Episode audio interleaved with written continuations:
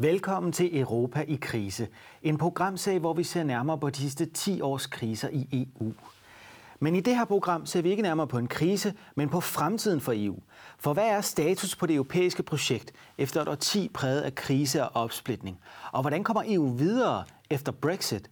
Hvad skal være retningen for det europæiske fællesskab de næste 10 år? Det spørger jeg mine to gæster om. Mit navn er Christian Folager. Velkommen til.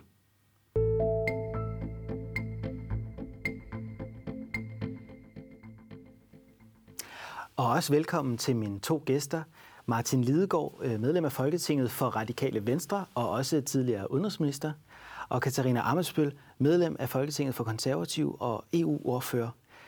Og du har også haft en karriere før, blandt andet i FN, så du har stor ekspertise omkring øh, netop europæisk politik og international politik. Og jeg har inviteret jer ind her for at prøve at tale lidt om, hvad der så skal ske med Europa nu, efter alle de her kriser, som vi har talt om i den her programserie. Så lad mig starte med at spørge først, hvad I ser som den største krise for EU og Europa de sidste 10 år. Martin? Ja, jeg kan lige så godt starte med at røbe, at jeg bliver optimisten i dag. Jeg har okay. vil påtage mig rollen, ja. og jeg mener, at rygterne om Europas død er stærkt overdrevne for at hugge lidt fra Mark Twain. Men det er sagt, så, så står vi over for en række alvorlige problemer. Jeg vil jo nok, hvis du spørger, hvad er den vigtigste krise, tage en krise, som du slet ikke har med, nemlig klimakrisen. Og det er fordi, øh, der er det med den, at hvis min generation, vores generation af politikere ikke formår at løse den, så bliver den ikke løst. Og det, står, det skal Europa kunne holde sammen. Men du tænker selvfølgelig på, hvad der truer Europas indre sammenhold ja. mest, tror jeg. Ja. Og øh, der vil jeg nok pege på migrationskrisen, ja. øh, fordi at det at håndtere den har vist nogle meget store kløfter øh, i øh, forståelsen. Og det hænger nok sammen med, at det udfordrer to grundlæggende ting. Nemlig hele det europæiske værdisæt, som er bygget på menneskerettigheder, den enkeltes frihed, det at tage sig af hinanden, international solidaritet, og over for det sammenhængskraften i de enkelte samfund i Europa. Det har øh, sat nogle store skillelinjer mellem øst og vest, øh, og mellem syd og nord, og øh, det er kommet bag på os, at det kunne gå øh, så voldsomt for sig, som det gjorde i 2015. Jeg synes jo, Europa er kommet meget langt øh, med at løse den krise sådan konkret her og nu. Man har reduceret antallet af, af migranter med 98,5 procent på, på bare et år. Men vi er ikke helt færdige med at diskutere, hvordan det her skal håndteres, og det har også banet vejen for en række rimelig autoritære styre i blandt andet Ungarn og Polen, og øh, nogle store clashes mm. i landene. Så du peger faktisk både på migrationskrisen og så i forhold til den her programserie også identitetskrisen, nemlig den her splittelse omkring forståelsen af retsstaten og liberale principper. Katarina, hvad ser du som den største krise for Europa de sidste 10 år? Jamen, jeg er bestemt ikke uenig med Martin. Jeg er meget enig med, hvad han siger. Men det, jeg ligesom ser, som måske er lidt overordnet det hele, det er faktisk, at det, der er Europas store udfordring nu, det er, hvad skal Europa være? Og, og, og Europa er nødt til at positionere sig nu. Altså jeg ser faktisk sådan, at EU og Europa er ved at vågne op, fordi det er så meget under pres. Både på grund af flygtninge, på grund af klima, på grund af, at vi har en Trump, vi har en Jinping. Vi har altså en multipolar verden, og hvordan skal Europa navigere i den, og hvad skal være Europas ligesom, identitet og EU's vision og strategi? Og det er der jo stor uenighed om fordi man har forskellige interesser, og det er den store udfordring. Men jeg ser det også som en kæmpe mulighed nu for, at der bliver virkelig sat nogle strategiske retninger for, hvad EU skal og hvad vi vil med Europa. Og der er to ting, jeg synes, der er vigtigt at se på, der kan være altså nogle, nogle gode motorer i det her. Den ene er Ursula von der Leyens Green Deal. Altså hun sætter en grøn strategisk retning, og jeg tror faktisk ikke, at med til at samle Europa. Og EU her må virkelig gå ud og prøve at også positionere sig over for Indien, Kina, vi skal med. Og den anden ting, som nu kommer til at ske, det kan man så have mere eller mindre forventninger til, men der bliver altså sat en proces i gang med en konference omkring Europas fremtid. Og vi presser på her, for i hvert fald for det danske folketing, at vi skal have de forskellige nationale parlamenter med, og vi skal have borgerne med. For der er klart en, en afkobling mellem, hvad der sker i Bruxelles, og hvad der sker rundt omkring i Europa blandt borgerne. Og det skal vi altså have bundet mere sammen. Så der er altså en, en udfordring og en stor krise i, hvor er det Europa skal hen, for det strider i mange forskellige retninger. Og Brexit er jo kæmpe afbræk i den der tillid, der er mellem Europa. Og vi ser det jo i identitetskriser, vi ser det i sammenhængsproblematikkerne, vi ser det, hvordan landene i Italien begynder at splitte sig op, og en meget stærk øh, altså, skepsis mod EU. Og hvis først Italien begynder at brække af, altså, så står vi jo virkelig med en udfordring. Så jeg tror altså, at det er, det på, nu skal EU finde ud af, hvad er det, EU vil og Europa. En krise, jeg også kunne have taget med, men jeg ikke har taget med, fordi jeg ikke mener, at den er så aktuel lige nu, det kunne være legitimitetskrisen. Altså EU-skepsisen har jo været øh, stor og også stigende gennem mange år, men øh, efter Brexit, så er billedet ligesom vendt. Befolkningerne støtter EU i større omfang igen. Hvis man skal sikre det fremadrettet, Martin, hvad skal EU så gøre nu? Skal EU lave noget om for at undgå øh, flere lande, der melder sig ud? Altså, jeg vil sige det sådan, at jeg, jeg har sådan et billede af EU, øh, at alle de kriser, du har nævnt, og især den finansielle krise og migrationskrisen, øh, og her Brexit, har vi jo brugt utrolig mange kræfter på, har EU og statslederne brugt utrolig mange kræfter på. Det er som om, vi sådan først lige nu får hovedet op over vand, og kan begynde at tænke på, fuldstændig, jeg er meget, meget enig, hvad er det, vi vil? Og der tror jeg, det er så afgørende, at det, vi vælger, er det, som befolkningerne virkelig føler, at der er brug for, og som vi ikke kan løse hver især. Noget af det, jeg tror, sådan nogle rigtig glade europæere som jeg selv, og jeg har dig mistænkt for at være en af dem også, måske har gjort, har været for dårlige til, har været at forklare og fortælle, at det nationale er ikke i modsætning til det europæiske.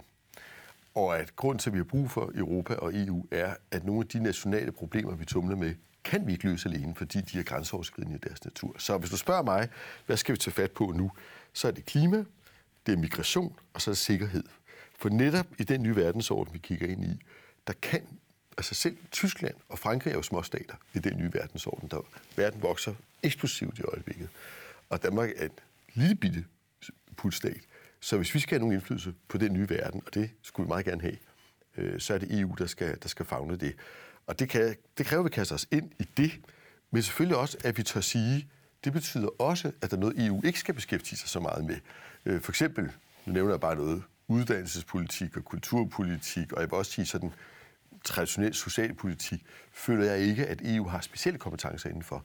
Men der, hvor der taler om grænseoverskridende problemer, også sådan noget som skattely, organiseret kriminalitet, der har vi virkelig brug for at sætte tommelskruerne på øh, banditterne i habiter. Katarina, du var lidt inde på den her europæiske konference. Det er jo et forslag fra Macron. Altså, man skal i dialog med borgerne. Hvad, hvad skal man sige til borgerne? Hvordan skal man, skal man inddrage dem mere i det europæiske? Skal man lytte mere til dem? Er der noget, man skal lave om?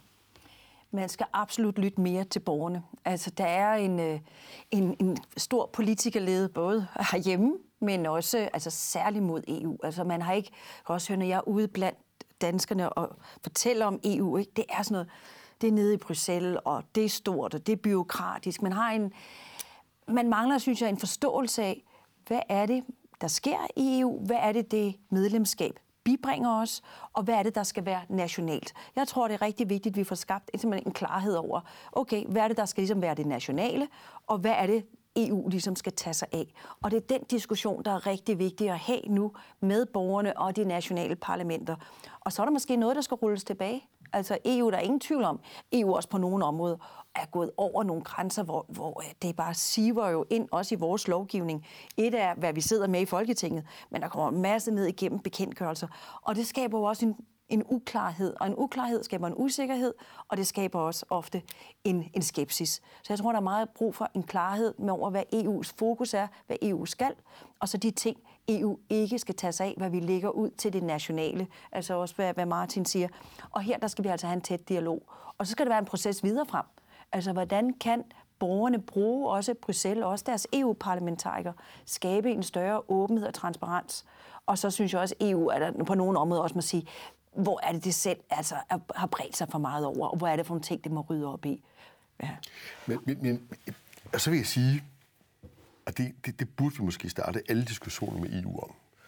Øh, vores generationer har det jo som en eller anden selvfølge, at vi vokser op i fred. Mm og i et øh, samfund, som er blevet rigere og rigere i enhver forstand. Det er jo bare ingen selvfølge. Det er en absolut undtagelse i historien, at det her kontinent har været i fred med sig selv, og at vi har haft et samarbejde og en handel, der kunne gøre os alle sammen stødt og roligt rigere, og samtidig med, at vi tog mere vare på miljø og klima osv. Det skyldes blandt andet EU. Ikke kun EU, det skyldes også andre institutioner, FN, NATO. Men de institutioner har vi altså haft utrolig travlt med at kritisere for alt det, de ikke kunne. Men det, de basalt set har kunnet, er jo, at de har skabt den bedste verden, der har været nogensinde. Så nu begynder at skyde på dem, og nogen som, som Trump og Putin og mange andre skyder meget hårdt på dem, mm. og siger, dem vil vi ikke have længere, så må jeg bare sige, der er noget at kæmpe for. For uden dem tror jeg ikke, vi kan leve så godt liv. Det, som jo virkelig også har rystet øh, Bruxelles-eliten, hvis man nu skal sige det, øh, det er Brexit uden tvivl. Mm. Altså det, at et stort land melder sig ud af Europa, det kom som et chok for mange, helt sikkert. Og kommissionen har efterfølgende så sat gang i et arbejde for, hvordan skal man reagere på Brexit, og hvad skal der ske fremadrettet med EU. Man har lavet det, der kaldes en hvidbog nede i Bruxelles. Det er et slags visionspapir, og her optegner man så fem scenarier for, hvordan EU skal udvikle sig fremadrettet, og det har man så indledt en diskussion om. Den ene mulighed, det er status quo. Man ændrer ikke noget. Nummer to er EU tilbage til først og fremmest at fokusere på handel. Et frihandelsområde og ikke andet end det. Den tredje, det er et EU i flere hastigheder. Altså dem, der vil mere sammen, skal mere sammen. Så hvis Danmark ikke er med, så må vi ligesom bare blive efterladt lidt på perronen, men stadig være med i EU, men ikke i lige så dybt integreret som andre lande. Den fjerde mulighed, det er et mindre, men mere effektivt EU, altså et mere fokuseret EU. Det var I lidt inde på øh, hver især. Og så et sidste mulighed, langt mere sammen, altså Europas forenede stater. Hvor ser I øh, EU bevæge sig hen i forhold til de fem scenarier? Katarina? Lige nu er det ikke klart, hvor EU går hen. Og vi har en Macron, der vil noget. Vi har en Merkel, der er ved at miste fodfæstet i Tyskland, som ellers er de to store kræfter, hvad det, hvor EU skal hen. Vi har jo lande, øh, der gerne vil have så meget EU som muligt, så flere midler som muligt. Og så har vi nogle lande her, som vi er jo en del af en, en gruppe øh, med Østrig og Sverige blandt andet, og Holland også. Vi er jo nok den gruppe af lande, der siger, at vi vil have et mere fokuseret EU. Og, øh, og, det, og, så, og så er der ting, EU ikke skal. Og det er nogle ting, som vi skal løse. Det er klima, og det er migration. Vi vil også gerne meget fokus på, at vi har en, en forskning, fordi der er ingen grund til, at vi alle sammen opfinder den dybe tallerken, men vi får skabt et større forskningssamarbejde. Det, det er utrolig vigtigt, hvis vi skal løse de her ting, vi står overfor. Det vil være for mig i hvert fald et, et ønskescenarie, men jeg tror, det bliver svært men jeg vil være bekymret for et EU i flere tempi. Altså det tror jeg kommer til at splitte EU meget, fordi dem, der så går stærkere sammen, hvad betyder det for det øvrige? Og gå ind i EU's forenede stater, det tror jeg slet ikke kommer til at ske, og det vil i hvert fald ske meget problematisk for danskerne i hvert fald. Så jeg ser, at der er altså også nogle risiko, nogle farezoner i, hvordan, hvem er det, der taler de her scenarier op? Hvem er det, der laver analysen af dem, og hvordan det bliver besluttet? Men altså, jeg vil klart være på nummer fire. Et af de afgørende konflikter i forbindelse med Brexit, det var, at den britiske premierminister David Cameron, han ønskede traktatændringer, og han ønskede især, at målet om en stadig tættere union ikke længere skulle være gældende. Han fik et forbehold for det, men det blev ikke lavet om i traktaterne. Skal det stadig være målet, Martin, for EU, at man har stadig tættere union? Det vil jo i sidste ende ende med Europas forenede stater så. Altså, mit mål er ikke Europas forenede stater. Altså, jeg er ikke federalist. Jeg tror, at Europa, EU, skal være et samarbejde mellem nationale stater. Men der er en række områder, hvor jeg virkelig håber på mere union, hvis du vil sige det på den måde, eller et stærkere samarbejde. Og, og, og jeg er enig i, det er klima, det er migration, det er sikkerhed. De tre områder har vi brug for et meget stærkere og mere forpligtende samarbejde. Øh, og de hænger jo sammen. Lad mig bare nævne et eksempel. Vi er verdens største importør af fossile brændsler olie, gas, kul. Hvor importerer vi det fra? Vi importerer det fra Mellemøsten og Rusland, som så bruger de penge, vi har betalt dem, til at lave alle mulige ulykker, øh, både det ene, andet og tredje sted i verden, som vi så skal ned og rydde op i bagefter. Altså, vi kunne gøre det meget bedre, hvis vi organiserede os bedre, hvis vi koordinerede og forpligtede hinanden. Men jeg tror, at virkeligheden ser sådan ud, for det er den store kan man sige, styrker den store svaghed i det europæiske samarbejde. Vi lever i meget forskellige virkeligheder stadigvæk. Det at vokse op i Rumænien og i Danmark er to vidt forskellige tilværelser i dag. Og hvis man bor i Rumænien, så er ens primære fokus, det er jo at få en bedre og stærkere velfærdsstat, og bedre, flere jobs, øh, bedre muligheder for de unge osv. Og hvis man skal blive enige om et budget i Europa, og hvis vi skal have tryk på de her ting, vi snakker om her, så bliver vi også nødt til stadigvæk at forstå den virkelighed derovre, og vi har en interesse i at forstå den. Og derfor er jeg jo nok Altså, jeg, jeg, er også, jeg er også for det økonomisk ansvarlige parti, og vi går også ind for en øh, restriktiv linje på det. Men jeg er også lidt altså, øh, opmærksom på, at hvis man skal nå kompromiser i EU, bliver vi også nødt til at have en forståelse for de andre lande. Så hvis de skal med på vores klima, og det er de ved at komme, heldigvis, og på øh, at løse migrationskrisen ved blandt andet at hjælpe i Afrika og sådan ting, som de østeuropæiske lande aldrig har gjort før, men nu begynder at gøre, øh, så må vi også have forståelse for at give dem det sidste løft, øh, som, de har, øh, som de har brug for. Men altså, der er ingen tvivl om, hvor det danske fokus bør og skal være. Det er på de ting, vi har talt om i dag. Og så et vigtigt fokus også, det er selvfølgelig på det økonomiske samarbejde og vores handel. Altså vi må ikke tage det for givet, at det bare kører. Øh, men det vi er jo enormt afhængige af et, et marked til 700 millioner mennesker, plus de altså, frihandelsaftaler, vi har i EU med for eksempel Latinamerika og Singapore. Og, og, og det skal vi jo altså sikre stadig fungerer, men vi skal også øh, bruge det altså strategisk, for eksempel til at fremme grøn omstilling. Og, så, og det skal vi jo også have bredt ud, så det hele tiden fungerer i de østlige lande. For det er klart, at der, der er det, de tænker på, det er jo beskæftigelse, og det er økonomi. Øh, når jeg var sammen med netop nogle parlamentarikere fra Rumænien og fra, fra Spanien og fra nogle forskellige lande, og det er helt sikkert, at det, der deres fokus er, det er det økonomiske i høj grad. Øh, klima, det ligger altså længere nede på deres øh, behovspyramide.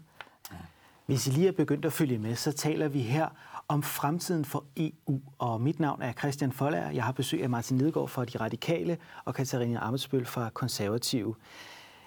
I 2017 der vedtog man den her søjle for sociale rettigheder. At man ønsker et socialt Europa. Det er et af de helt store satsningsområder for EU for at komme ud af krisen og genvinde også befolkningens popularitet.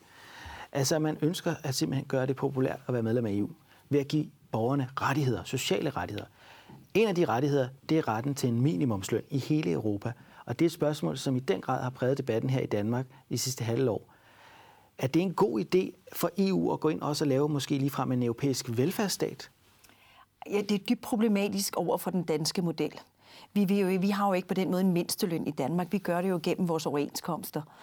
Så vi synes jo, det er meget bekymrende, fordi det vil jo sætte nogle krav ned over os. Vi mødtes faktisk i Europaudvalget med kommissæren øh, for det her område for nylig, ja, for i måned. Og øh, vi drøftede med om vi kan have en, øh, et, et to-trins-system. Altså et for Danmark og et for det øvrige Europa. Der er nogle steder i, i Europa, man har behov for at sætte nogle krav i minimumslum og presse nogle regeringer til at sætte krav om det, netop for at løfte mere for bunden.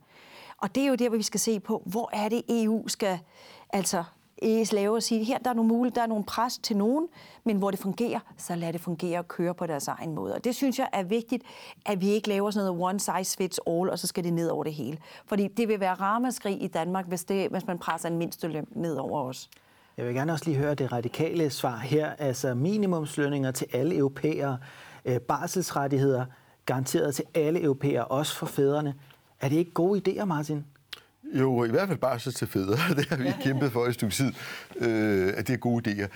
Jamen altså, det er meget sjovt, fordi nu sagde Katarina lige før, jamen øh, vi skal ikke have et Europa i flere hastigheder. Og det har jeg også altid gået og sagt.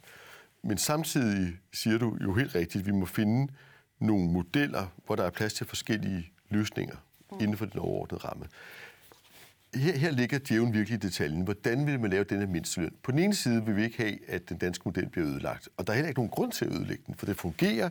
Og det er jo ikke i Danmark, vi har et problem med det, man kalder working poor, altså at folk dårligt kan leve af den løn, de får, selvom de har et arbejde. Men det problem er reelt eksisterende i rigtig mange europæiske lande. Også i Tyskland for eksempel, som er tæt på os. Ikke? Og hvis nogen i Europa faktisk også, altså sådan af konkurrencemæssige årsager har en interesse i, at det bliver løst, så er det faktisk også Danmark, så vi ikke får altså underbud og social dumping i Danmark. Så det er jo meget sjovt med den danske fagbevægelse, fordi de er selvfølgelig stærkt optaget af, sammen med arbejdsgiverne, ikke at underminere den danske model. Det forstår jeg godt.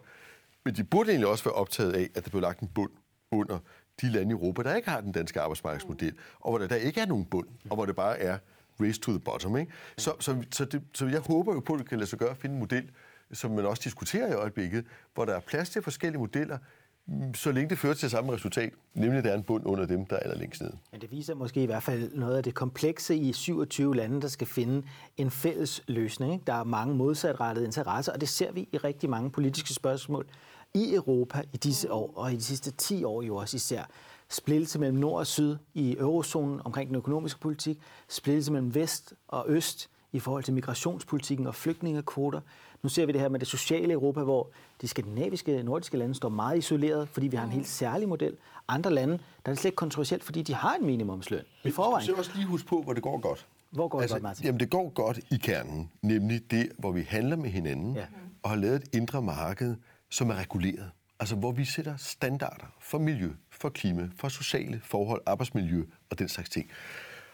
Og det er en utrolig stærk model, som har vist sig modstandsdygtig. Både når amerikanerne presser begynder at indføre øh, straftarif osv., så, så slår hele EU i fællesskab tilbage. Bum, sådan. Når Brexit sker, står de 27 resterende lande sammen og kan forhandle. Jeg tror, man skal tage udgangspunkt der, hvor det fungerer, og så sige, kunne vi bruge det endnu mere aktivt til sikkerhedspolitik, til klimapolitik, som Katarina er inde på, øh, men også i forhold til migration, det vil sige udbrede den her vækstmodel, den bæredygtige vækstmodel til, til Afrika, så der ikke er brug for så meget migration, for eksempel. Jeg vil spørge dig også, ja. Katarina, fordi nu har vi jo set meget splittelse i Europa de sidste 10 år. Mm. Stor intern uenighed, og der er rigtig mange kriser, vi skal løse. Hvis vi ser fremadrettet, ser du nogle tendenser til, at man kan overkomme splittelserne, løse de her kriser og få et styrket Europa om 10 år? Eller vil Europa fortsat være i krise de næste 10 år? Jamen, der er jeg optimist, for ellers var jeg ikke i politik, tror jeg. Fordi der skal man tro på, at man kan lave nogle forandringer. Jeg hvor, hvor finder du håbet ja, hvor ser der du? er nogle håb. Det ene tror jeg faktisk, at det, at det, det er klima og det grønne. Det kan binde os sammen, og især også, at vi får den unge generation med. Og det, det var interessant, at der, Dansk Industri lavede et topmøde, og der har de lavet en undersøgelse, og det handlede om grøn vækst og grøn omstilling. Der har de lavet en undersøgelse blandt unge. Hvem tror, de kan løse klimakrisen? Og til alles overraskelse stod der EU som nummer et. Og det giver for mig også et håb. Det andet er også, at EU begynder at se på nogle andre instrumenter, for eksempel retsstatsprincippet. Det betyder, at man skal altså overholde lov og orden, og de begynder at sætte budgetmæssige tommelskruer på, altså for eksempel til Ungarn og Polen. Altså vi begynder at sige, at der er altså nogle fælles, ikke fordi vi har fælles værdier som sådan, men nogle fælles principper, vi skal leve op til. Og jeg tror, at vi er i gang med nu at tænke, altså have en ordentlig stor rundtur i tænke, øh, man kan sige, tænketanken om, hvad EU skal, særligt også på grund af af Brexit. Ja. Og så er også sikkerhedsdimensionen meget vigtig, og der står Danmark jo desværre noget udenfor. På grund af forsvarsforbeholdet. På, på grund af forsvarsforbeholdet, ja. ja. Her til sidst, så vil jeg jo læse et citat fra Emmanuel Macron, for han er jo en af dem, der virkelig har præget den europæiske debat mm. de sidste øh, par år. Uh, det, han siger her om de sidste års kriser. Europa har ikke oplevet en borgerkrig gennem væbnede konflikter, men gennem egoistisk nationalisme – Europa har været splittet mellem nord og syd i økonomiske spørgsmål og mellem øst og vest i migrationsspørgsmål, hvilket har resulteret i en genopblussen af populisme overalt i Europa. En række fænomener, som har efterladt os på randen af afgrunden. Deler du uh, Macrons uh, syn på Europa her, at vi står på randen af afgrunden? Jeg er, jeg er fan af Macron, og det er jeg ikke, fordi jeg er enig med ham i alt. Jeg skal nok til at svare på de spørgsmål men fordi han er en af de få ledere, vi har i Europa i øjeblikket, der tager sætter tingene på spidsen og kommer med nogle visioner. Så kan man være enig eller uenig, men man kan forholde sig til et lederskab. Og det politiske lederskab er der for lidt af i, øh, i mange lande i Europa, synes jeg.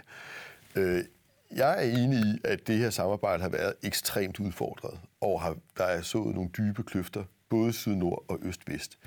Øh, jeg tror, vi kan hele det, øh, men jeg tror, det kræver flere nationale politikere bør tage, tør tage et nationalt og, og europæisk lederskab. Mm. Og sige, det er det, vi vil have hjemme. Her kobler vi det til europæisk niveau. Og det ser jeg ikke så meget af, og det skal vi have skabt. Ellers skal jeg bange for, at det kan gå galt. Deler du øh, Macrons bekymring, Katrina? Står vi ved afgrundens rand? Nej, det gør vi ikke. Jeg synes, han laver en, en, en dramatisering om det. Jeg tror også, altså Macron vil jo gerne være altså den øverste for Europa. Altså lige snart Frankrig taler om udenrigspolitik uden for Europa, så er det jo dem, der repræsenterer hele Europa.